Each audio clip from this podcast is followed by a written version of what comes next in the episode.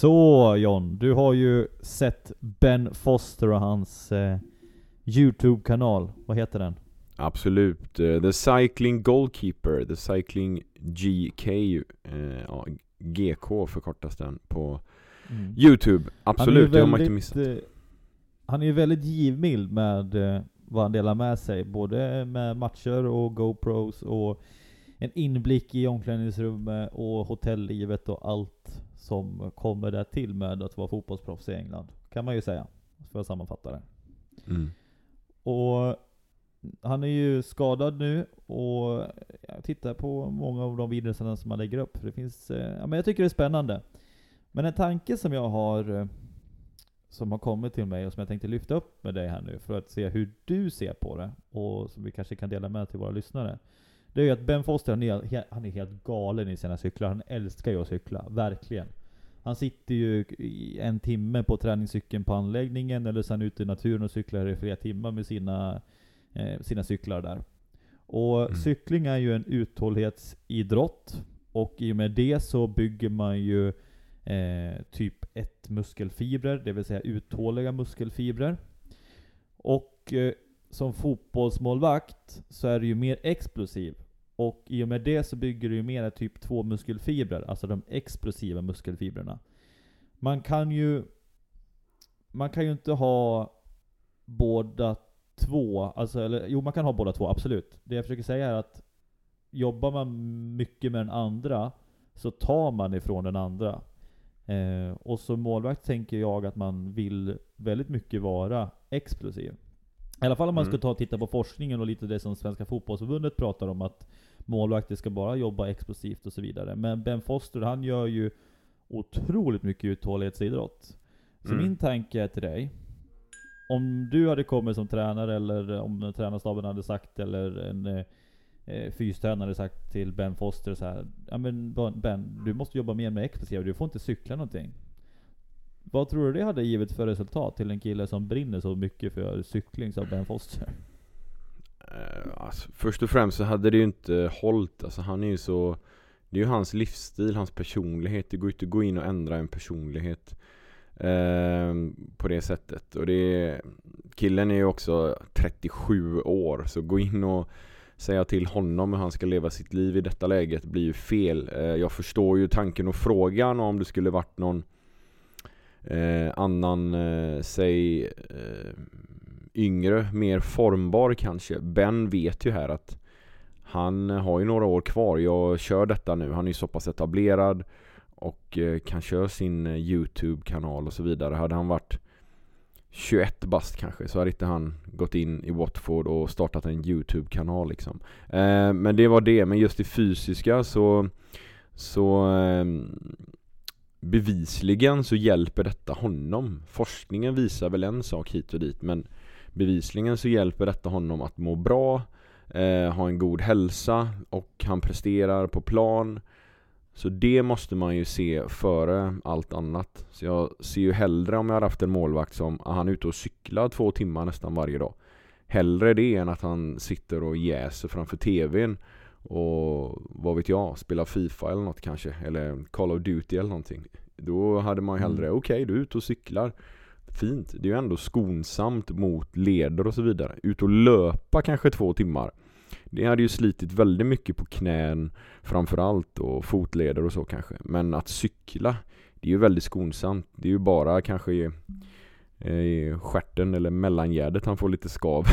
Annars så är det ju liksom inga problem. Eh, det är väl vad jag mm, tycker angående din fråga där. Om jag ska spinna på lite grann här nu då. Jag säger, jag säger varken bu eller bä. Jag försöker bara lägga Nej, in så många saker som möjligt utifrån den erfarenheten som man har samlat på sig. Jag pratade lite grann med min gamla eh, träningslära, träningslärarlärare, kan man säga så? Jag Jo. frågade han om, om det här, eh, vad han ansåg om eh, konditionsträning i form utav uthållighet för målvakter. Och hans syn på det var, ja, det är ju såklart målvakter måste också ha en form utav konditionsträning. Jag tänker ju att de spelar ju också en fotbollsmatch i 90 minuter och eh, de ska ju någonstans hålla koncentrationen uppe, vilket vi kan koppla till uthållighetsträning. Mm. Eh, det var han, lite hans eh, syn på det också. Och sen så lägger du in eh, jättebra syn det här med att människan måste må bra också. Och sen säger forskningen det här, lite mer svart och vitt. Så det är Mm. någonstans vi skulle kunna sammanfatta här egentligen att vi inte kan vara så svartvita med viss forskning utan man måste vara lite människa ibland också när man när och om man ska vara tränare helt enkelt. Verkligen, verkligen. Och det, handl- det, det är ju väldigt mycket i det där med att jobba med gruppprocesser och eh, person eh, eh, kemi och psykologi och allt vad det innebär så är det ju väldigt viktigt som ledare att se människan också. Eh, men det som Ben gör verkar ju vara ganska extremt och skiljer sig från mängden såklart. Så, eh, men som jag sa, återgår till det. I detta fallet verkar han ju må bra av det och absolut inget som hämmar honom och han är ju så extremt professionell. Så jag menar, han tar ju liksom inte och kör två, tre timmar cykling på matchdag och så vidare utan i detta fallet så hjälper det ju honom väldigt mycket. Jag menar i en återhämtningsfas eh, till exempel efter matcher eller tuffa pass att sätta sig och cykla det har ju bara en positiv inverkan på på återhämtningen, att eh, få liksom blodcirkulationen och, och arbeta och så vidare. Sen gör ju han det på ett ganska extremt sätt om man ser hur han cyklar och så vidare. Men eh, återigen, eh, jag tror eh, det här får ju honom att leva och må bra och hjälper just honom då. Så, eh, Men och får det är jag ju något han lyfta har byggt en, upp. en till, får jag lyfta en till sån här svartvit sak med dig? Kör, kör. Vi, det, när det kommer till, det är ju väldigt populärt och finns även i, i storlags omklädningsrum, så här isbar och grejer. Men faktum är att forskningen har visat att när det kommer till snabb nedkylning efter, eh, efter match, att lägga sig i ett isbad och så vidare, hämmar istället ut, äh, återhämtningen till skillnad från att äh, skynda på den. Men ändå är det så populärt bland vissa individer att äh, ja, de gör det och att det finns eh, sådana miljöer i storklubbars eh, omklädningsrum. Vad är dina tankar där? Är det samma sak där? Men okej, om en individ känner att det här, det här är bra för han eller hon, så gör det. Men forskningen säger egentligen att det är inte bra för återhämtningen. Snarare tvärtom, att den gör att vi återhämtar oss långsammare än vad vi hade gjort i vanliga fall, utan isbad exempelvis. Ja, nej men då är min första spontana tanke, vad är det för forskning? För jag har ju bara hört eh, det motsatta. Jag har inte läst men hört ifrån väldigt säkra källor, givet alltså professionella fystränare. Det jag har hört är ju det att eh, det har inte kunnat bevisa i forskning att eh, varmbad hjälper på något sätt. För många går ju mellan kallt och varmt sådär. Det har jag ju Mm. hört. Eh, så få har ju varmbad här omkring men i USA till exempel där jag spelar och även vad jag sett innan så används ju varmbad ganska mycket. Vi hade ju det på vår anläggning i Minnesota bland annat. Men det här är ju Ehm, så jävla spännande. Alltså om men vi ska koppla till det egen- att, att, Jag bara säger det sista av egen erfarenhet så tycker jag verkligen båda sakerna hjälper. Eh, det hjälper dig framförallt, det hjälper din kropp att kännas bra och då mår du ju bra i huvudet. Varmbad, fantastiskt. Kallbad lika så. Det är en väldigt, väl, det är en, ja, jag tycker det hjälper kroppen väldigt mycket båda delarna. Framförallt om det är supervarmt på somrarna. Eh, säg att du har match om två dagar eller någonting haft ett tufft pass. Jag tycker det hjälper din återhämtning väldigt mycket och eh, har du lite överansträngning i allt ifrån benhinnor, knän, höfter eller någonting att stå i ett kallbad eller sitta vad man nu gör.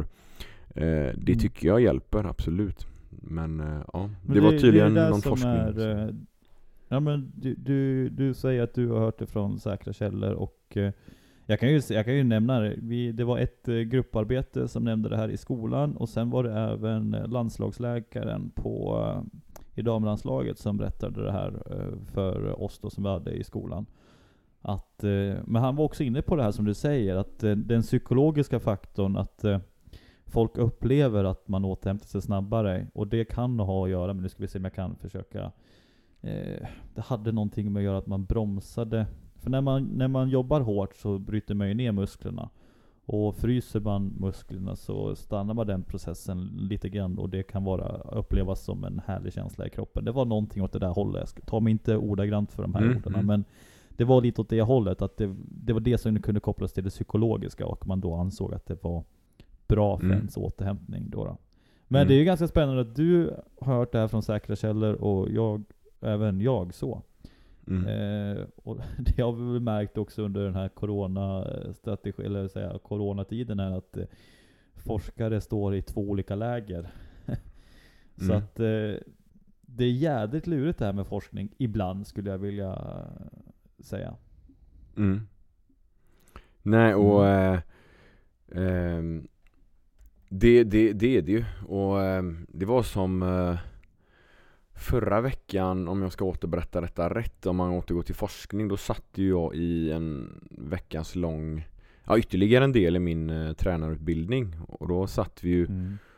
och eh, gick igenom just det här med eh, Ja Det var om fysisk träning, eh, förberedelseträning eh, Sån här så kallad exempelvis knäkontrollträning och sånt Vad det hjälper att eh, eh, Ehm, förhindra skador och så vidare eh, Och eh, en bit i det var ju det just det att eh, att eh, det personliga också, hur man mår. Alltså om man som ledare skötte de här grejerna men samtidigt var väldigt eh, öppen och mån om eh, och hela tiden hade en kontakt med dina spelare till exempel. Fråga hur de mådde, eh, kom med en klapp på axeln ibland och eh, ja, brydde sig liksom och hade lite hjärta eh, så sett också som tränare. Det sådana bitar visade ju forskningen att det hade ju lika stora effekter nästan från att, för att hålla spelare friska på plan som eh, just det fysiska liksom. Och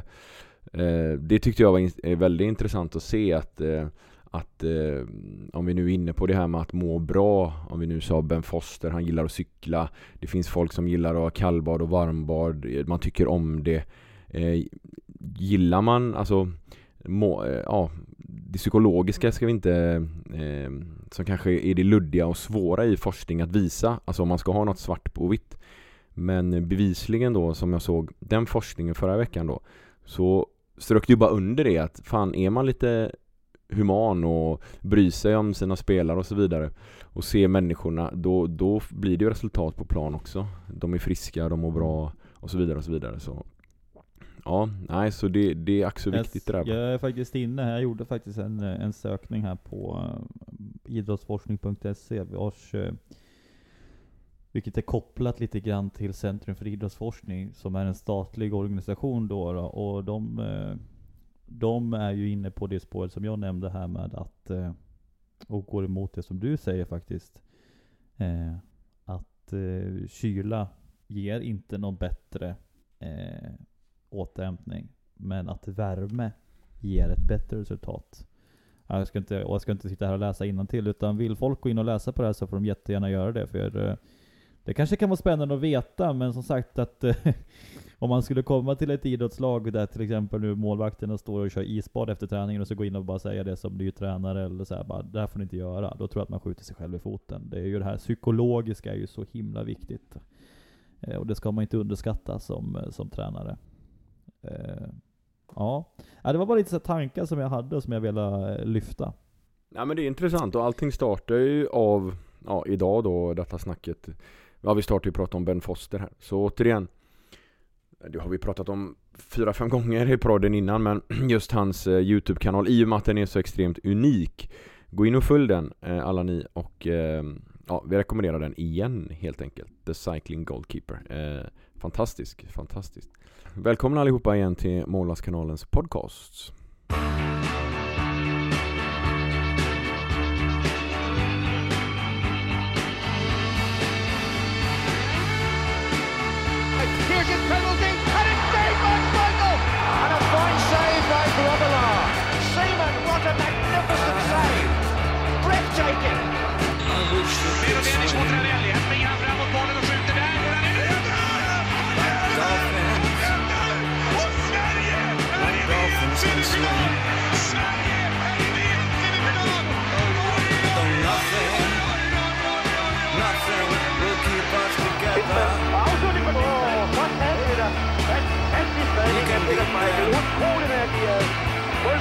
Forever and ever. Oh, we can be heroes. Likt många olika podcasts så kör vi också ett nyhetssvep här lite kort innan vi ska nöda ner oss i ja, veckans nördämne i och med att detta blir en liten mer eh, ja, så kallad nördpodd där vi gottar ner oss i ett eh, speciellt målvaktsämne och verkligen dissekerar det i småbitar som man en gång i tiden gjorde när man hade naturkunskap i högstadiet. Eh, så det om det. Så vad har vi då på nyhetssvepet? Jo, vi startar med det att eh, Wolverhamptons fantastiska tränare, alltså Nuno Espirito Santo, som är en före detta fotbollsmålvakt. Och det gillar vi ju när huvudtränare har en historik som fotbollsmålvakter. Eh, en svensk motsvarighet är ju Haglund, alltså Halmstad och Elfsborgs eh, ja, Elfsborgs före detta tränare. Magnus Haglund har ju målvaktsbakgrund, men inte lika högt upp som Espirito Santo då han har spelat på väldigt hög nivå, bland annat i eh, Porto en gång i tiden. Där han eh, var bänknötare bakom José Mourinho och lärde sig väldigt mycket när han satt och eh, fick se honom från mållinjen.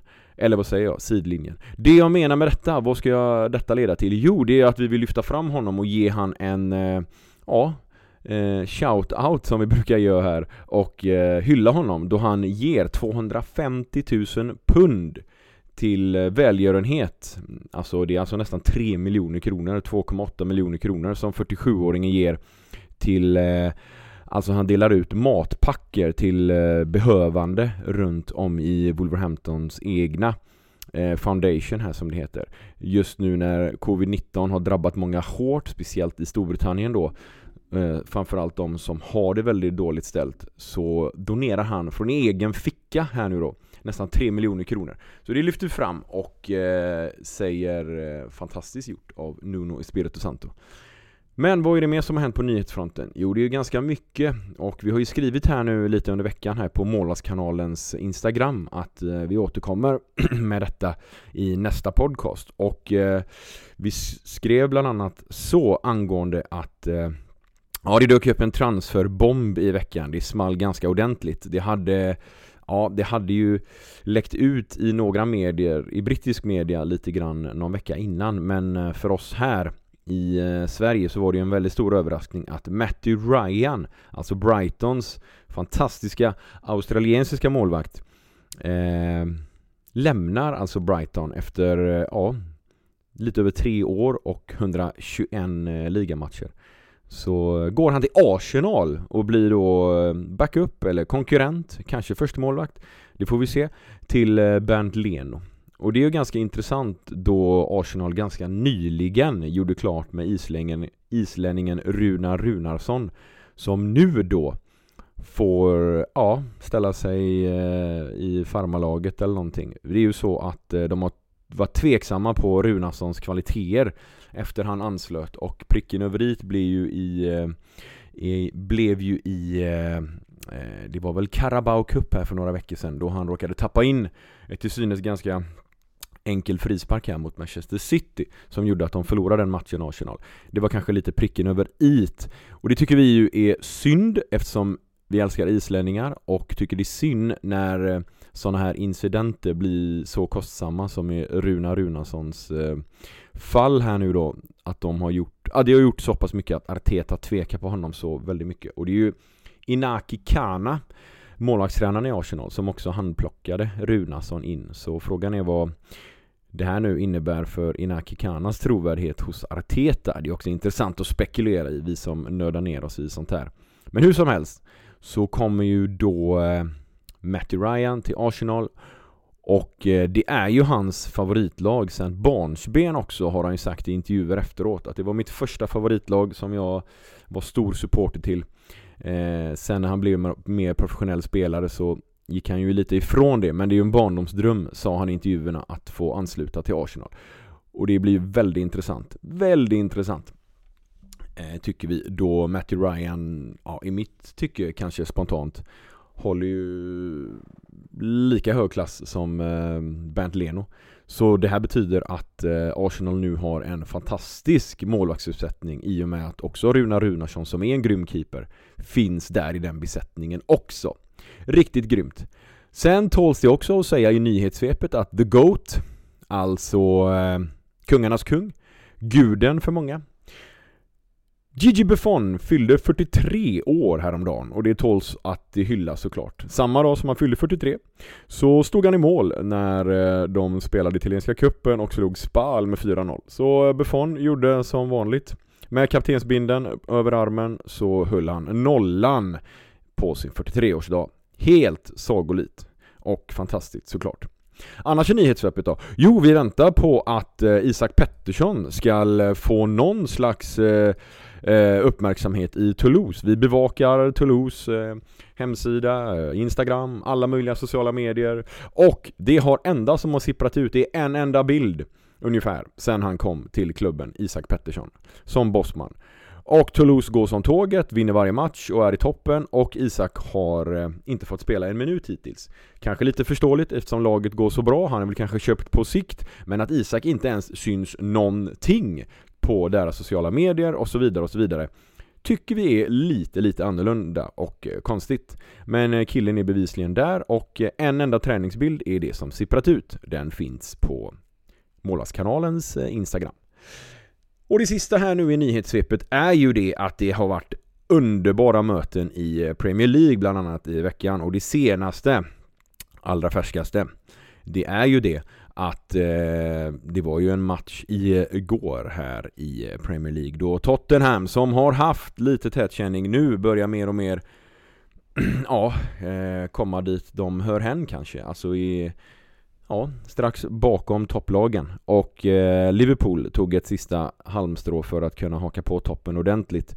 Men varför pratar vi om det i Månadskanalen podcast? Jo, det är ju för att fantastiska världsmästaren Hugo Lloris hade en ganska tuff match och vi ber er att eh, gå in på någon slags kanal och se höjdpunkter ifrån matchen och själva fundera på vad eh, Loris kan ta med sig efter den matchen och göra bättre till nästa gång och eh, helt enkelt matchbilder och videos är ju så fantastiska om man ser dem ur en målvakts synvinkel. Det finns så mycket att lära och tänka och reflektera över och tänka si och så. Jag säger inte man ska gå in och såga utan man ska bara gå in och se och lära på något sätt. Okej, han gjorde så, gick så där, kanske skulle han gjort si eller så och hade det varit jag, vad hade jag gjort och så vidare och så vidare. Så ett litet tips, gå in och kolla på höjdpunkter ifrån Eh, Tottenham-Liverpool här. Eh, så eh, kommer ni få se ett och annat eh, angående världsmästaren Hugo Lloris.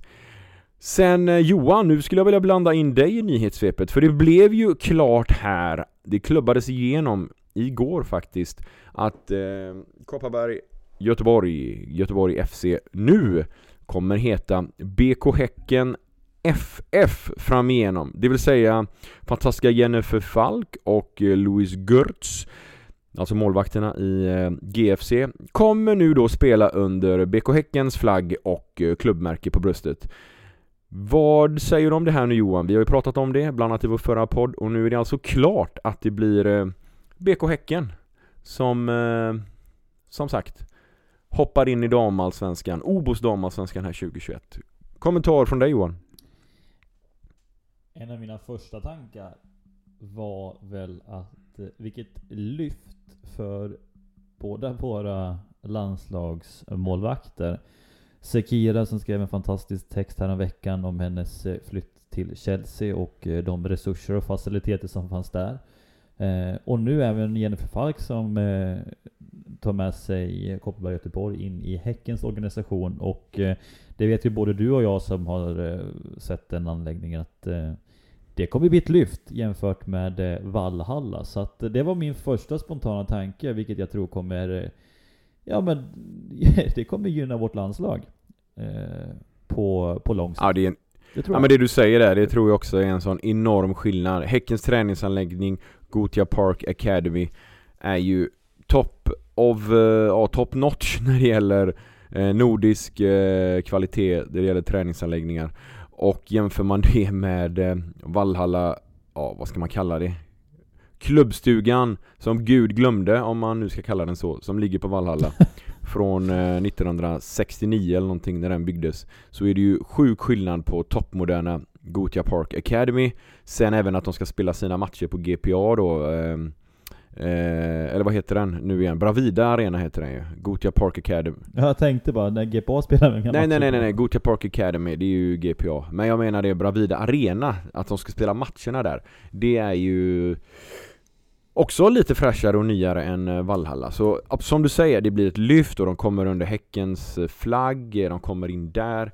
Och eh, vad man kan se på Jennifers sociala medier så ser hon ju inte missnöjd ut över detta.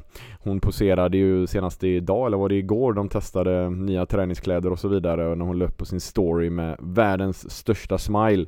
Så eh, jag tror tjejerna är grymt nöjda och framförallt att de nu kan andas ut lite att eh, framtiden ändå är Mm, säkrad. Nu är de nu är de hemma om man säger sådär. Nu blir det Nu kan de slippa sig oroa sig för eventuella konkurser hit och dit och så vidare. Som kanske aldrig riktigt var på G. Det var väl bara han Bronsman som gick ut och hotade. Och så blev det som det blev här nu då. Så smart gjort säkert i efterhand av han Bronsman. Att han gick ut och eh, sa som han gjorde en gång i tiden. Och eh, nu är de då BK Häcken FF. Så eh, det är ju nyhetssvepet som vanligt blev ganska långt men eh, det var lite att täcka här. Så eh, Johan, ska vi nörda ner oss här nu då ordentligt i något eh, gott ämne och ämnet bygger ju lite på saker också som hänt under veckan så det är ju lite inlindat i svepet här kan man väl säga så kör på du Johan här. Jag... Eh, ja men som ni säkert känner till så gillar jag att lyssna, läsa, lyssna och läsa böcker och podcast och förkovra mig i eh, massvis av kunskap. Eh, jag hörde en podd, Olof Lunds podd här om veckan med eh, Peter Kisvolundi, BP's sportchef och mångårig ledare inom BP. Och men han är väl ganska, kontroversiell när det kommer till svenska mått eh, räknade. Och han har ju släppt en bok här nu och eh, det var därför han var med i podden. Jag, ska inte, jag kommer inte ihåg vad boken hette, för det är inte riktigt det jag vill prata om, för jag har inte heller läst den. Men han hänvisade till en forskning i Olof Lunds eh, podcast där. Och då blev jag nyfiken direkt och, och mejlade då Peter och frågade om den här forskningen som han skickade till mig då. Och jag har inte läst hela den här forskningen än, men jag har läst tillräckligt mycket för att eh, ja, för att det ska skapas tankar då, då som jag vill faktiskt lyfta med dig här John. Eh, och då var det nämligen så här att eh, den här forskningen eh, gjordes på 70 000 barn och ungdomar i mellanstadie, högstadie och gymnasie, eh, gymnasieåldern. Eh, forskningen heter, eller forskningsstudien heter så här, så kan ni gå in själv och läsa. Den ligger faktiskt eh, uppe på, på internet då, gjord av Ung Livsstil. Och den är släppt faktiskt i, i somras, så den är väldigt färsk faktiskt. Och den heter så här.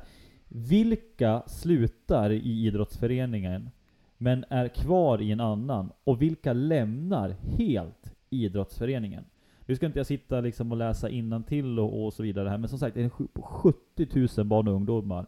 Och den är gjord av Stockholms stad och Malmö stad och utgjord då, då av eh, Stockholms universitet. Och en, en sak som fastnar väldigt mycket i, i mitt huvud och som jag tycker att vi kan, eh, vad ska man säga, applicera på, eh, på målvakter ja. Mm. Det var faktiskt att en orsak varför barn och ungdomar slutar, det var för att de ansåg att deras tränare var för dåliga. Och då ska det sägas att de tyckte inte det på grund utav att tränarna hade sagt att de inte platsade eller inte fick vara med eller någonting så, utan de tyckte att tränarna höll för dålig nivå. Och det var en anledning, eller en stark anledning varför eh, vissa valde att sluta eh, idrotta. Mm. Vad är din första tanke när du hör det här John? Mm, nej, men första tanken är lite du inne på hur det tolkas för dåliga. Nu sa du ju det att det var inte för att de Alltså det var någon personligt agg att de inte platsade eller någonting. Så det, det raderades ju direkt, det var det första jag tänkte på. Sen är det ju det där det går, det går, ja som sagt det är ju lite eh, just smak och tycke är väldigt personligt så då är ju, skulle man vilja koka ner det ytterligare och fråga nästan varje individ vad var det som var så dåligt då? Eh, det är kanske inte forskningen säger. Så det är lite det jag tänker vad var det som var så dåligt? Det är väl det jag är intresserad över. Var det hur de, som vi sa förut, eh, tog hand om dem som person, brydde sig? Det där med att behandla folk på, ja, på ett bra sätt. Eh, var det fotbollskunskaperna som sagt var som var för dåliga? Eller? Det är väl det, det, är väl det jag tänker på. Ja, Johan. Men om vi, kopplar, om vi kopplar det här till målvakter då, eftersom det är en målvaktspodd. Så, så, så skulle det ju finnas otroligt mycket mer målvakter i svensk fotboll om det fanns mera kunskap inom målvaktsyrket. Det är ju, det är ju din och min bestämda övertygelse. Mm, mm. Jo, um, det... Och det är väl egentligen det vi skulle kunna säga utifrån Ja. det här också. Hade det funnits mera kunskap där ute, eller mera tid, eller vad det nu är för någonting.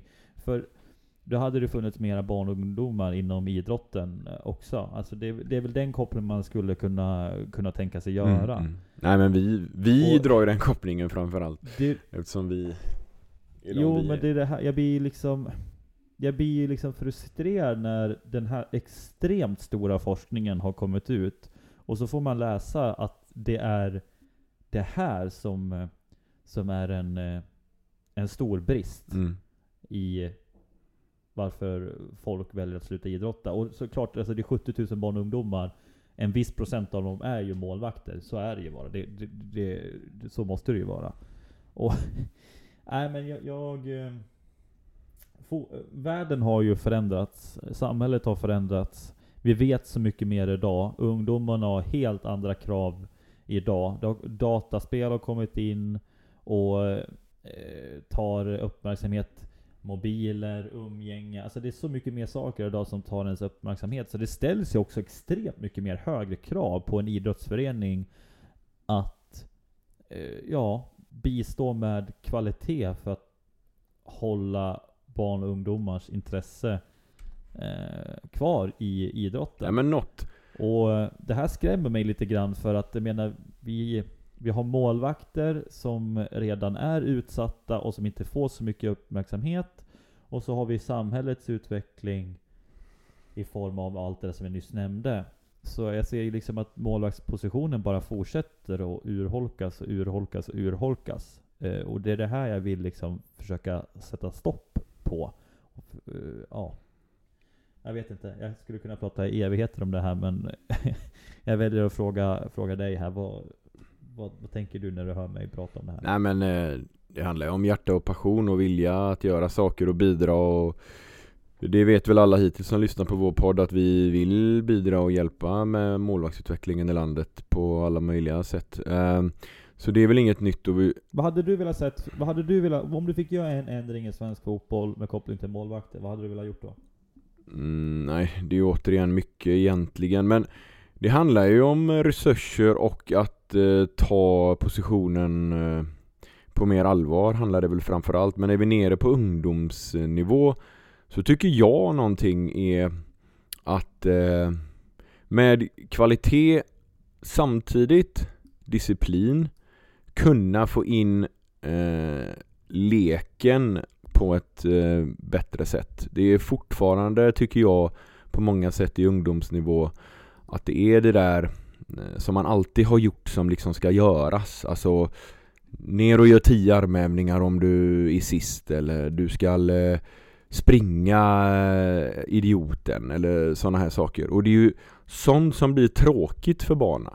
Du skulle kunna få barn att ha jättekul att göra idioten inom situationstecken. Om man gör det i en lek, någon slags stafett eller någonting. Men att ställa upp dem på ett led och springa och så vidare. Eller sådär, åh, tio armhävningar till dem. Alltså bestraffa med fysiska Alltså fysträning för mig ska ju vara något roligt. Alltså är du är du sist Mm. in i cirkeln eller någonting eh, Eller då tycker jag den som är först, du vinner tio armhävningar För det är ju klart Du vill ju bli starkare än alla andra Ja, ja det vill jag Ja, då har du vunnit 10 armhävningar. Gör du dem så kommer du bli starkare än dina kompisar. Det är fortfarande så här, det ska bestraffas med sådana saker och så vidare. Men har man lite eh, hjärta och passion såklart som vanligt och inte bara är tränad för att oh, jag måste detta för att annars eh, kommer inte min dotter eller son gå till träningen om jag inte själv är engagerad. Så menar jag att du måste eh, på något sätt lura barnen på rätt sätt. Alltså ha, skapa roliga träningar som får barn att återvända och då är ju leken fantastisk där du kan få in styrkan och eh, löpningar om du vill ha fast på ett lekande sätt. Men framförallt pricken över dit bollen som är det viktiga. Få dem att leka och älska den saken. Eh, klarar man det? Det är svårt det här, jag vet. Men eh, lyckas man, lyckas man Men med får, det jag- får jag lyfta en sak med dig? så är det mycket vunnet. Ja. Jag, jag, ja, men du börjar med här med att prata om, eh, om resurser. ja. Vi kan alltså... Okej, men eh, det finns 13 heltidsanställda målvaktstränare i Allsvenskan. Tre i Superettan, en i division 1, noll stycken på damsidan. Men det är ju samtidigt inte där uppe på toppen som målvaktskarriären börjar, eller där barn och ungdomar slutar idrotta, för då har de ju tagit sig upp dit. Men då snackar vi... Varje år vänta. så släpper ju svensk... Men om vi snackar forskning, förlåt där. Vi har Ja. väl 16 lag i herrallsvenskan, 16 i dam och 16 i superettan? Är det inte så? Det är väl? Eh, det har du bättre koll på än mig. Jag har inte Ja men vi säger så snabbt att det är det. Det är alltså 48 stycken lag och vi har 13 stycken, var 13 plus 3? 16 stycken heltidsanställda. Eh, Det är alltså 33% av de här 48 eh, lagen tar målvakts Mm. eh, på allvar. Och då snackar vi om the highest peak, högsta nivån i Sverige. Alla lag tycker jag Mm. ska ha, du anställer en första tränare och en assisterande. Efter det, det är klart att du behöver någon slags läkare och massör och så vidare. Men det ska vara en självklarhet tycker jag i en stab att du har en målvaktstränare. Speciellt som det är idag att målvaktstränaren också kan vara som en assisterande. Alltså att man lyfter fram den positionen mer. Så jag, jag tycker det är lite beklämmande där att Nej men jag håller Vi helt sänder med ju dig. Jag mål, neråt Målvaktstränarna... Ja. Ja. men jag håller med dig. Målvaktstränarna bör vara mer intresserade av att ta ett an- större ansvar och, och så vidare. Och skulle kunna säkert kunna bidra med jättemycket i framförallt kanske det defensiva. Men jag vill ju någonstans komma tillbaka till det här. För varje år så släpper ju... Det här var faktiskt Peter Kisvolundis idé. Vi, satt, vi, vi skrev till varandra och han, det var han som kom upp med den här idén och jag tyckte den lät briljant. För varje år så släpper svensk elitfotboll eh, ska man säga, ett poängsystem eller sätter stjärnor på alla de svenska Akademi, just det, ja. akademierna runt om i Sverige. Det, det, det känner du Ja. till? Ja. Här ska, här ska jag läsa upp för dig då, då.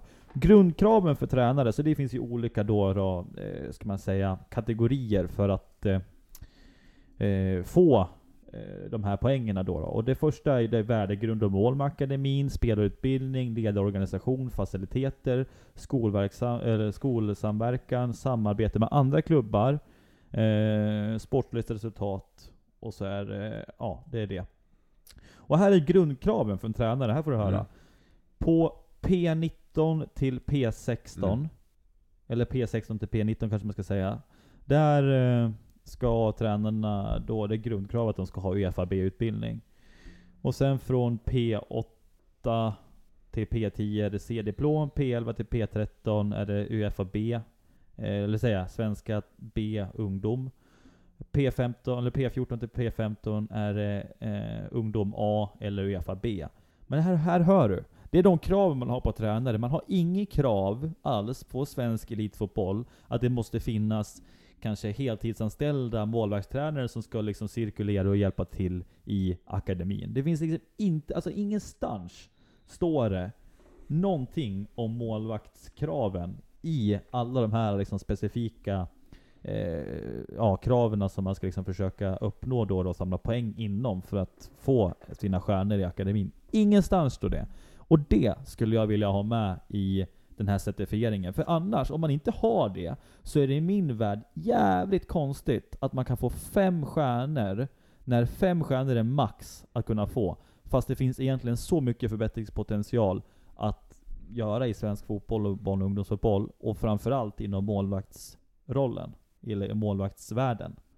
Det tycker jag är konstigt. Och där hade jag velat fått in den typen av eh, krav också på svensk elitfotboll. För att sätta mer krav på alla akademier runt om i Sverige och för att börja lyfta målvaktsfrågan ännu mer.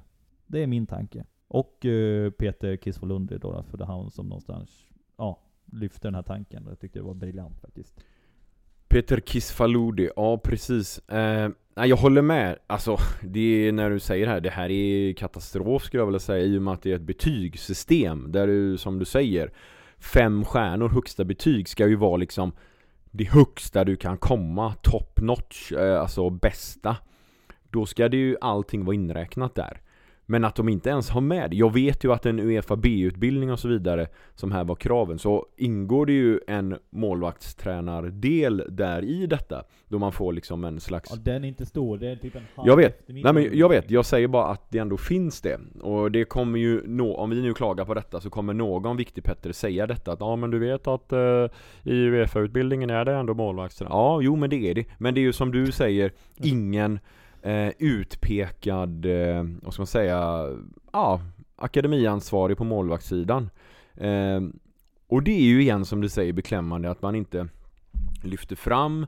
Och eh, alltså jag tror ju man inte ens har tänkt tanken. Oj, i det här betygssystemet så måste vi ha med någon målvakts eh, eh, Ja, någon slags målvaktstränardel också.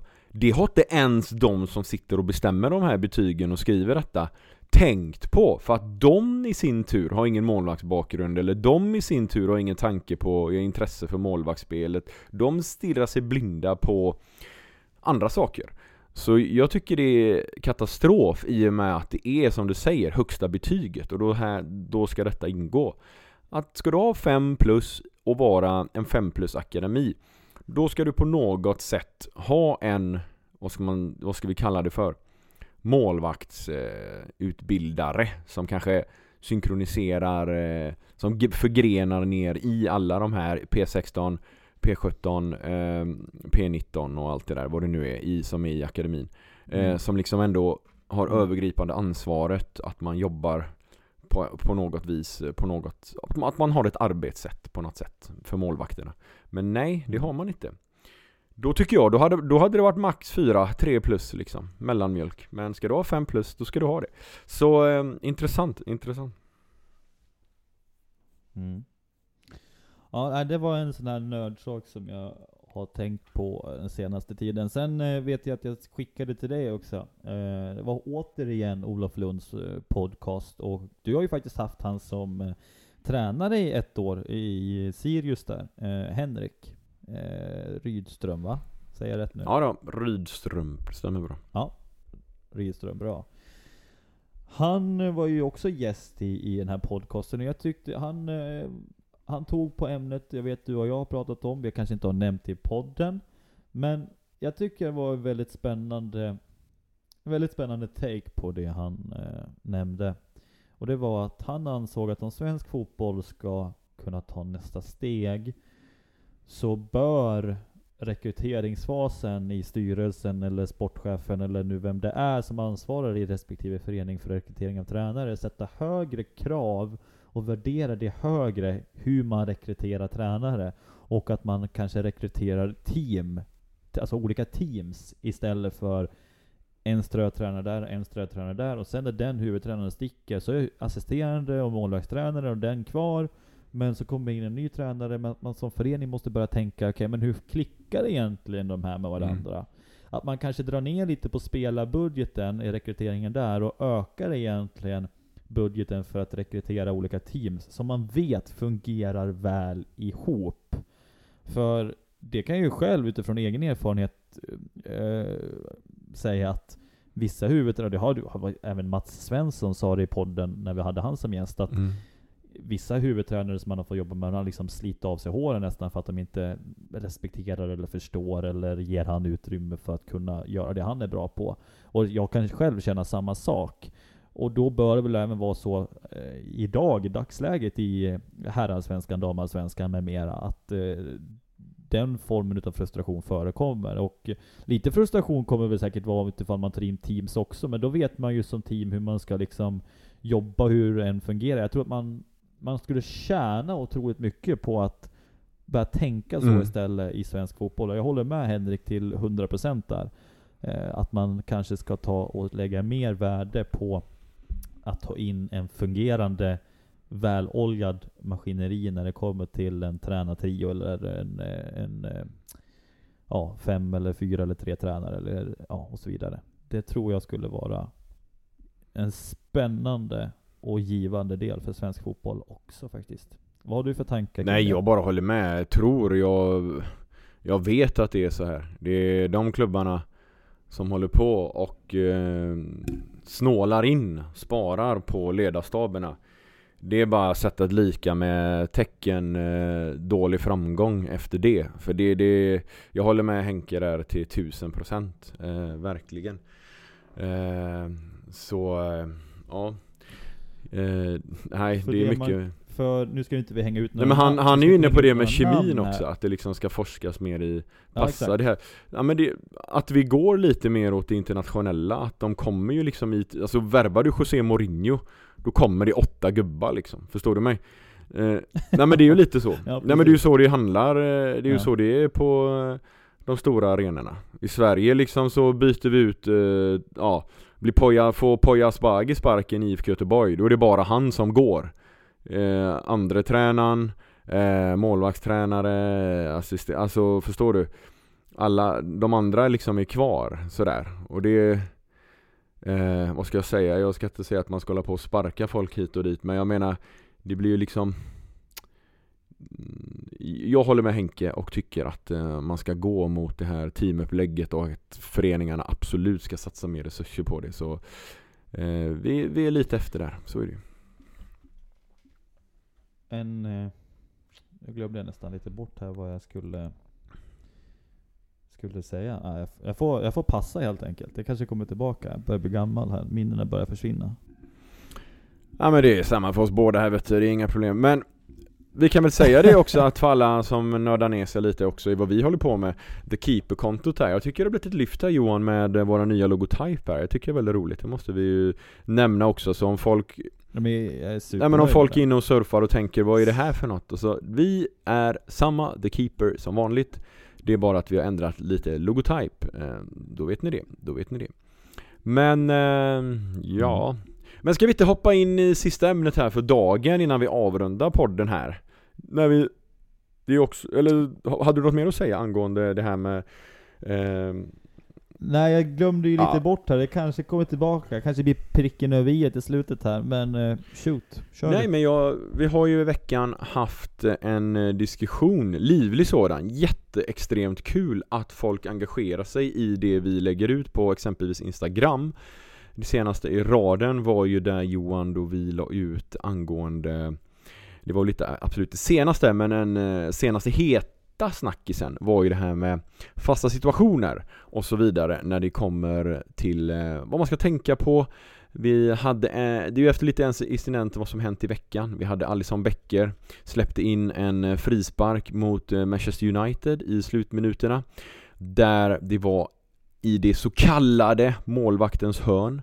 Vi hade även David de Gea här som eh, i veckan eh, missade ett till synes, eh, vad ska man säga, Ja, en hörna som kom där han skulle ut och eh, dominera tyckte ju då folket eh, kommentatorerna i synnerhet eh, i TV.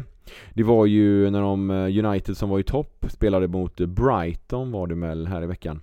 Då var det en hörna då han blev på reprisen ser man ju då att han blev extremt, det var extrem obstruktion alltså att de bara gick för att tackla bort de Gea, han kunde inte gå ut och plocka och så gick bollen in. Så eh, om vi nördar ner oss lite just i fasta situationer, vad man ska tänka på, det här med målvaktens hörn på frisparkar, fasta situationer överhuvudtaget, lite hur man ska tänka, hur man ska agera, vad man ska göra, hur man ska organisera och så sen avslutningsvis även hörner lite, samma sak, samma tänk där i princip.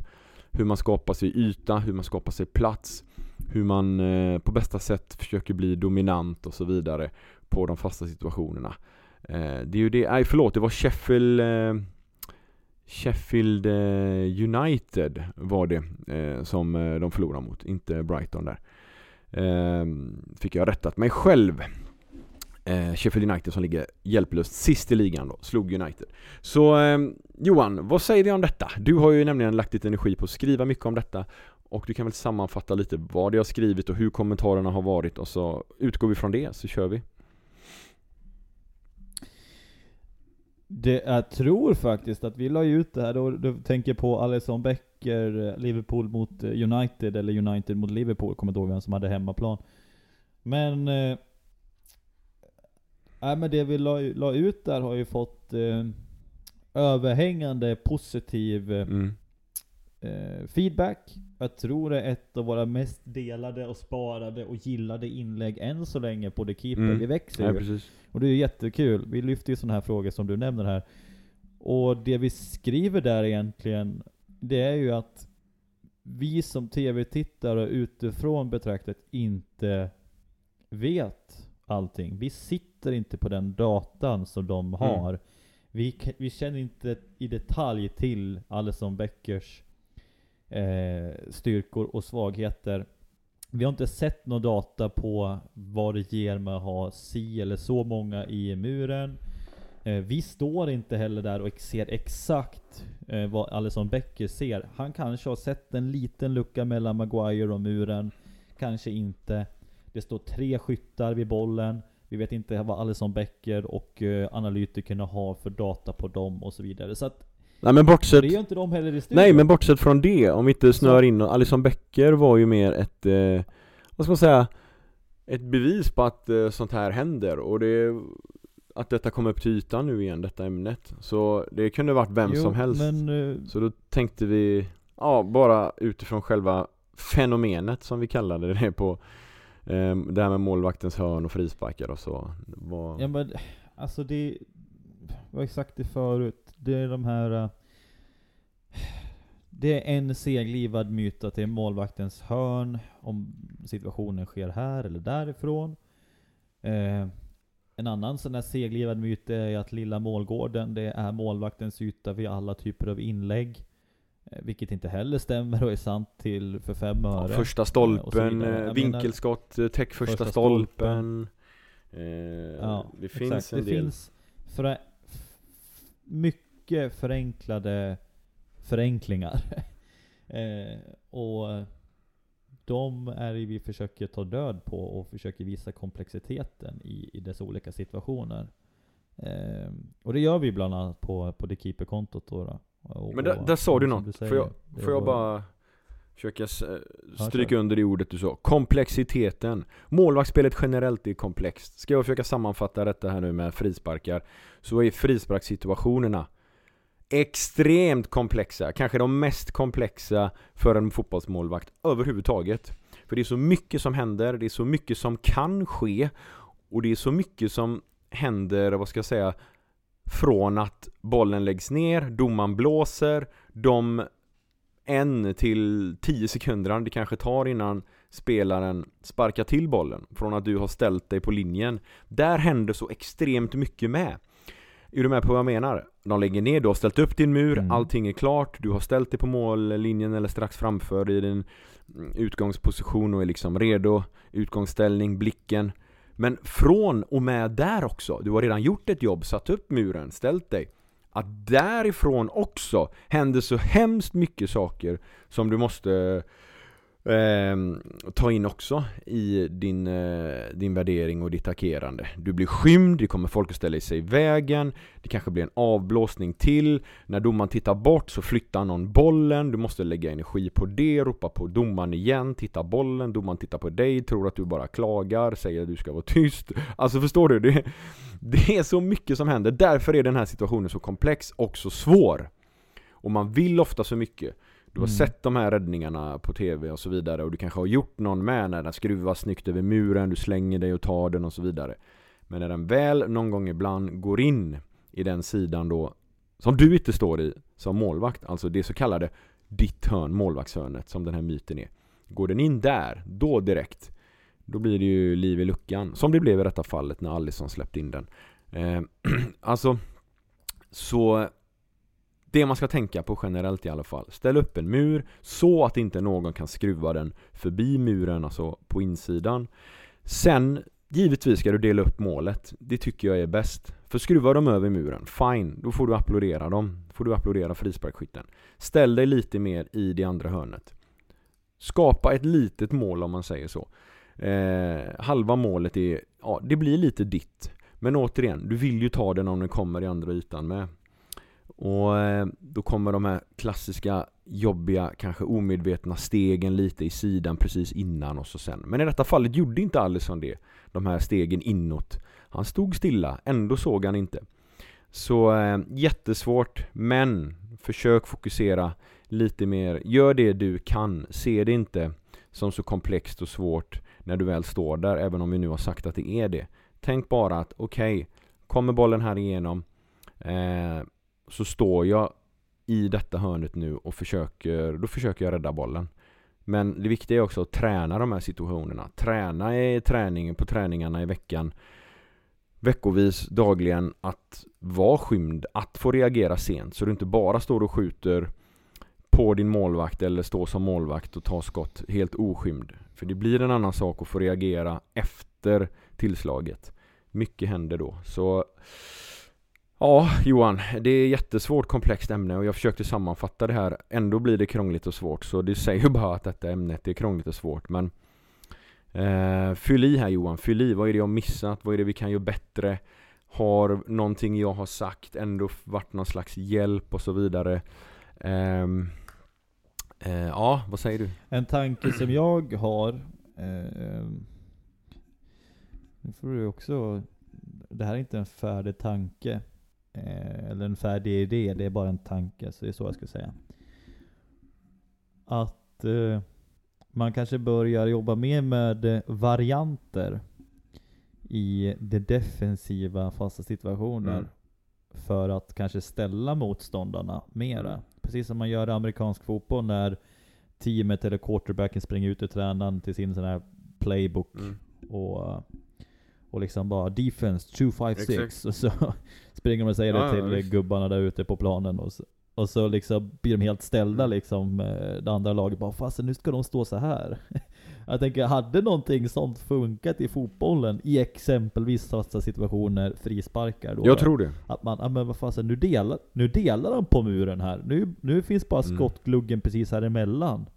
Och där står målvakten, vad ska jag göra nu då? Alltså, jag vet Ja, men- inte. Jag bara tänker så här framtidens fotboll. Liksom. Jag är övertygad om att något sånt- här kommer komma och direkt när det händer lite trender så kommer sånt ske. Det var ju som för något år sedan eller några år sedan, inte länge sedan i alla fall. När folk började hoppa och de la en bakom. Nu gör ju var och varannat lag det. Det gör Fulham idag. Ja, jag säger det. Var och varannat lag gör ju det idag. Jag tycker sånt är supersmart. Då blir ju muren högre och svårare och att skruva över och så vidare. Och det är bara ett exempel jag menar. Så såna, att utveckla sådana här defensiva saker Absolut, jag älskar sånt. Gör det. Jag har alltid velat göra det. Men det är aldrig, känns som det är aldrig någon som eh, riktigt eh, vågar det på det sättet. Alltså när det kommer till tränare. Eh, men man började Nej Men man började för några år sedan att våga mer och spela ut bakifrån. Det är ju, det är ju vardag nu. Nu är det ju ovanligare att någon drar en lång utspark som målvakt menar jag. Samma sak lite med detta kommer det Men vi vara. tar, Så du är helt i rätt på det vi tar NF... vi- tar, vi tar, ML, vi tar MLS, NFL, NBA och NHL. Alla de ligorna är låsta. Tror du att modet hade blivit högre hos tränare att testa sådana här saker om ligorna var låsta? Hade det varit en fördel med att låsa ligorna? Även fast inte jag eh, är för att låsa ligor. Men tror du att det hade skett mer då? Ja, nej jag vet Du har inte. ju spelat i USA. Ja men nej det, det Det tror jag inte skulle vara någonting så utan Det är snarare mer om att eh, Lägga energi på det och analysera det ordentligt och framförallt träna det. Det tränas ju för lite kollektiva fasta i föreningarna överlag. Eh, det gör det ju. Det är ju folk som står kvar individuellt efter träningar och så och så någon gång på träningslägren kanske eller någon gång ibland inför någon match. Så, "Ja, stanna kvar gubbar, ska vi slå lite hörnor här inför matchen på söndag typ. Men det är ju aldrig något eh, regelbunden kollektiv fasta situationer träning som man gör.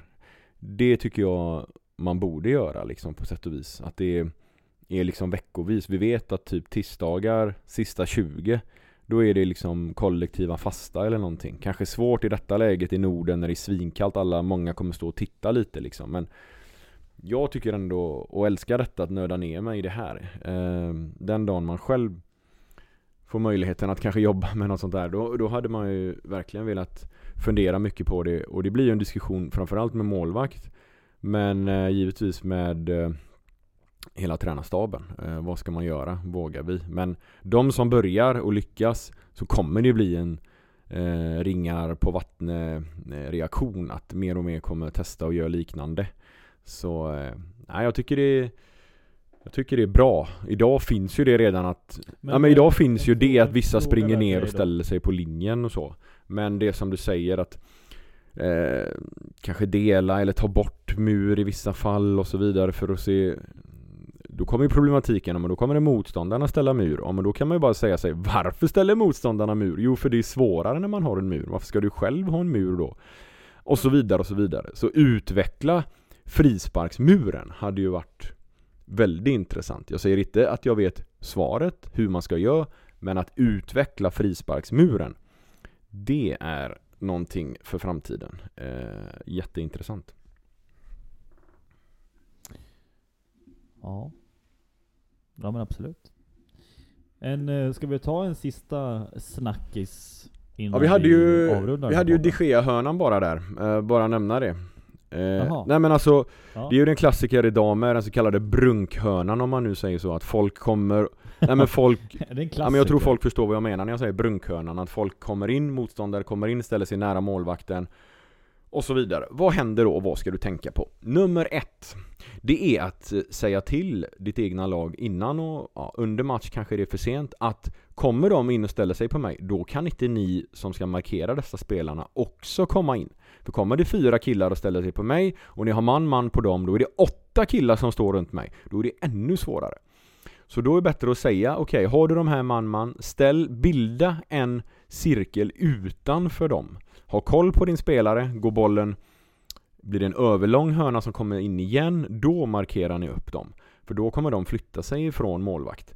Så kom inte in och ställ er i knät på keeper. Säg det, styr upp det nummer ett. Nummer två är att skapa dig yta innan. Det vill säga knuffa bort de där jävlarna som kommer, fast på ett snyggt och schysst sätt. Säg även till domaren, gör domaren uppmärksam om de kommer nära att hej, han följer efter mig, han är i vägen, han, alltså gå till höger, följer de med dig åt höger? Ja, då, då typ punktmarkerar de dig och det får de inte. De får lov att stå i yta, men de får inte följa efter på det sättet. Så gör domaren uppmärksam, får du upp hans uppmärksamhet så har du redan halva vunnet om man säger. Så tryck bort dem, använd fysiskt, prata med domaren och även taktiskt att säga till dina spelare att inte komma in och ställa sig på dig också. Det här är tre viktiga hjälpmedel jag vill ge med er till alla som lyssnar på detta. Vad ni ska tänka på när ni blir utsatta då för brunkhörnor. Då fick jag sagt det. Det kunde de Gea gjort här som sagt i, eh, ja, mot eh, eh, Sheffield United. Yes.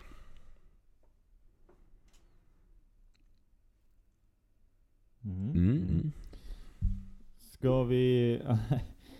alltså jag älskar när folk engagerar sig och det, det gör ju folk eh, nu. För eh, vi la ju ut här i morse din tweet. Du har ju Twitter du, precis som eh, många andra förutom jag. Och inte Donald Trump, han har ju Twitter längre. Nej, jag har inte det. Men... Eh, skulle du vilja berätta vad du la ut för någonting där? För att eh, Ja, men- det är kanske inte alla som har hängt med på media. Ska vi gå ut på den då? Eh, ska vi gå ut på den då? Eh, Nej men jag, jag tänkte gå ut på en annan sak, men eh, vi tar den först, för det har blivit en snackis. Telefonen går het här märker. Det är Många som engagerar sig i frågan. Alla, alla är positiva förutom eh, en minoritet som är lite tveksamma. Men eh, vill du lyfta det i podden? Eh, jo, eh, det är ju det att eh, BK Häcken, herrlaget, har ju stora problem med skador just nu. De har ju Dahlberg och Rashid och eh, så har de ju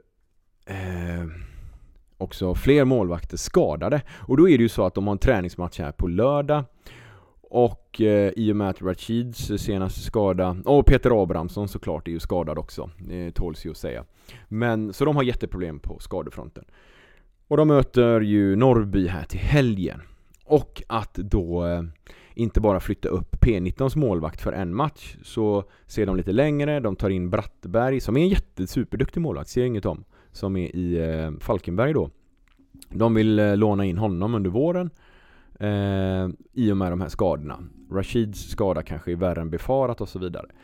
Men då sa jag på skoj, men även på allvar att men om det är sån här panik eh, och ni behöver en keeper snabbt och nu det blev den här fusionen här nu att eh, GFC blev BK Häcken så låt Jennifer stå matchen på lördag då. Det tycker jag hade varit en väldigt rolig sak. Det hade varit ett statement från Häcken, det hade varit ett statement för ja, vad vet jag, damfotbollen i sig, eh, att den är stark och att kvaliteten, kvalitetsskillnaderna är inte så stora.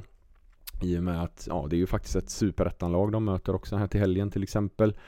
Och vi vet ju det att Jennifer i toppklass, hon hade ju givetvis gått in och gjort det bra sådär. Eh, så jag tyckte bara att det var allvar och en seriös fråga. Jag vet att det inte är aktuellt, det är tätt inpå. Eh, de tänker längre med Brattberg och så vidare men om de nu ändå ska satsa på någon från sin egen akademi och ta in någon från Falkenberg Ja fan, ställ Jennifer då. Jag tycker det har varit kul, vågat, engagerande det hade varit eh, så mycket 2021 över det och Häcken som vill det bästa och, så vidare och så vidare för allas lika värden hit och dit. Jag tycker det hade varit välkommet och eh, friskt vågat. Men nu fattar jag allvaret också att det inte kommer bli så. Men jäkla lång förklaring Men, Johan alltså jag, jag, håller, jag håller med dig, det hade varit jättespännande. Sen kan man också se på det så här. Vi har ju varit inne på det, pratat om det många gånger i podden och så vidare. Det här med att våga satsa på yngre, våga ge yngre chansen. Varf, varför?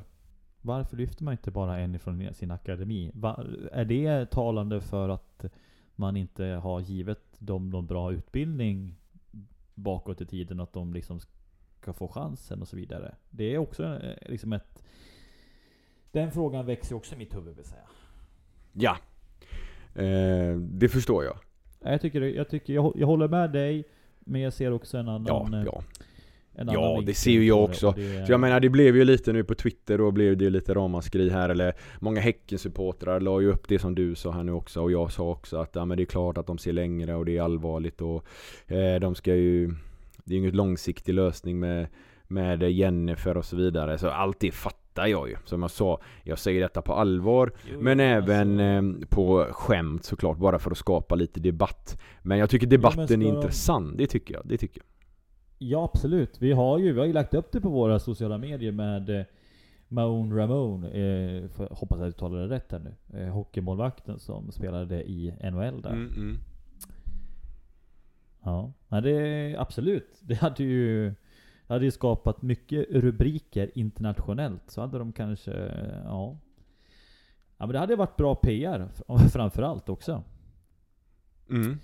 Eh, Eh, verkligen, John, verkligen. Jag tänkte Jag tänkte att vi går ut för vi har börjat liksom eh, Ja, vi är över timmen här nu. Jag tänkte faktiskt bara gå ut på På en liten sak här nu.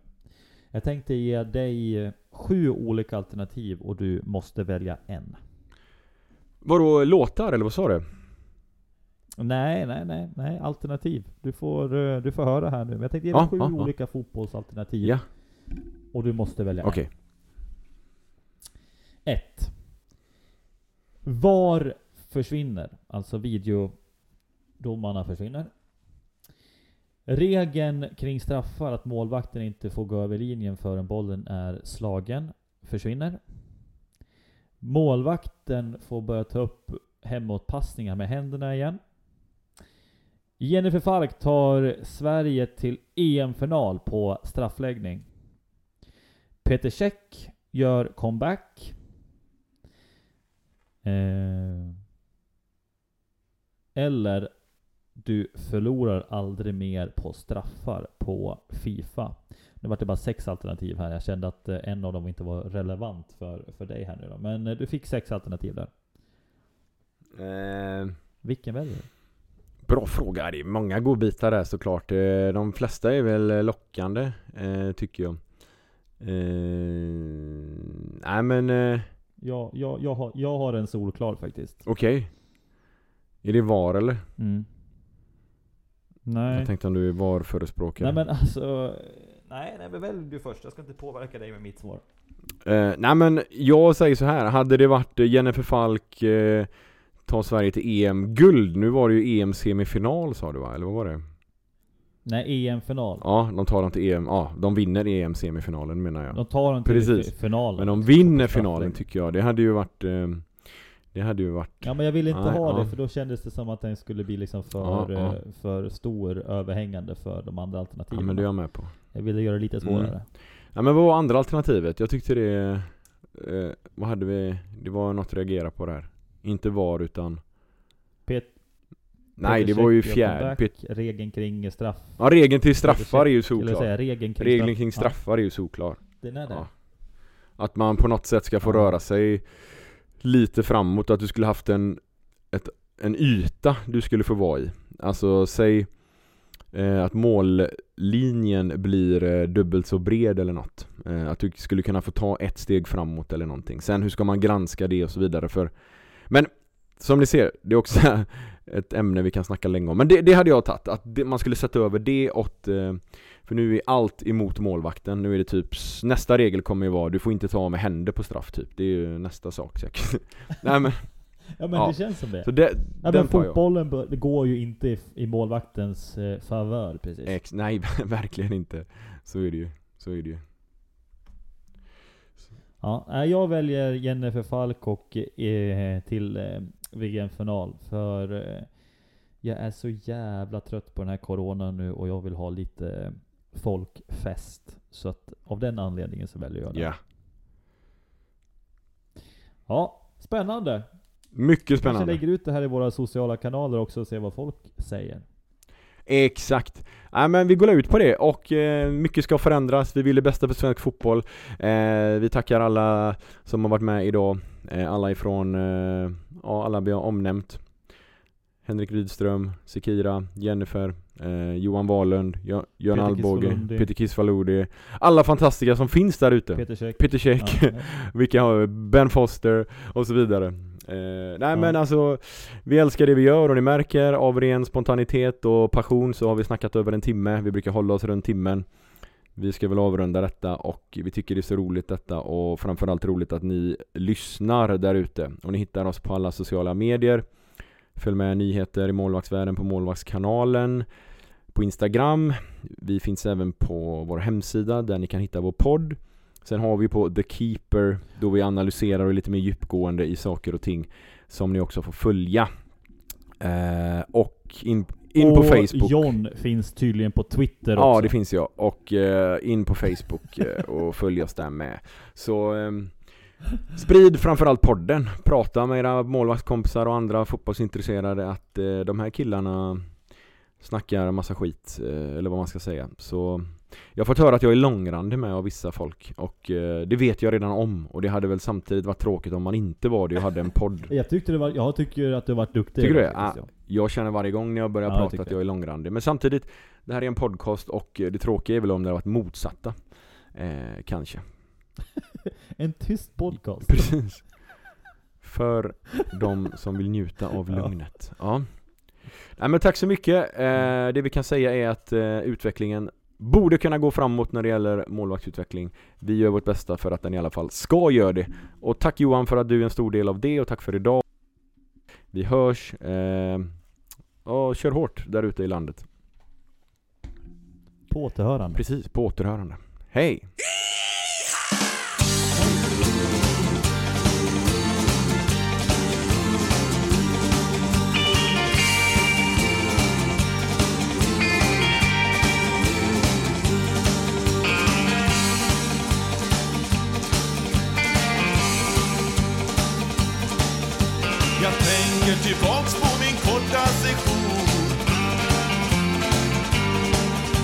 Som tolvårig grabb i fotbollsskor. Jag fick instruktioner, jag skulle gå som back till vänster och tänka på att kämpa och springa och bara slå. Långa bollar på Bengt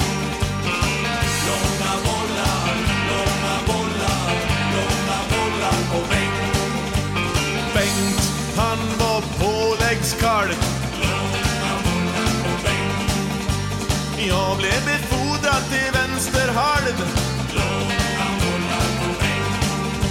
Jag tänkte nu får jag min chans och befängt.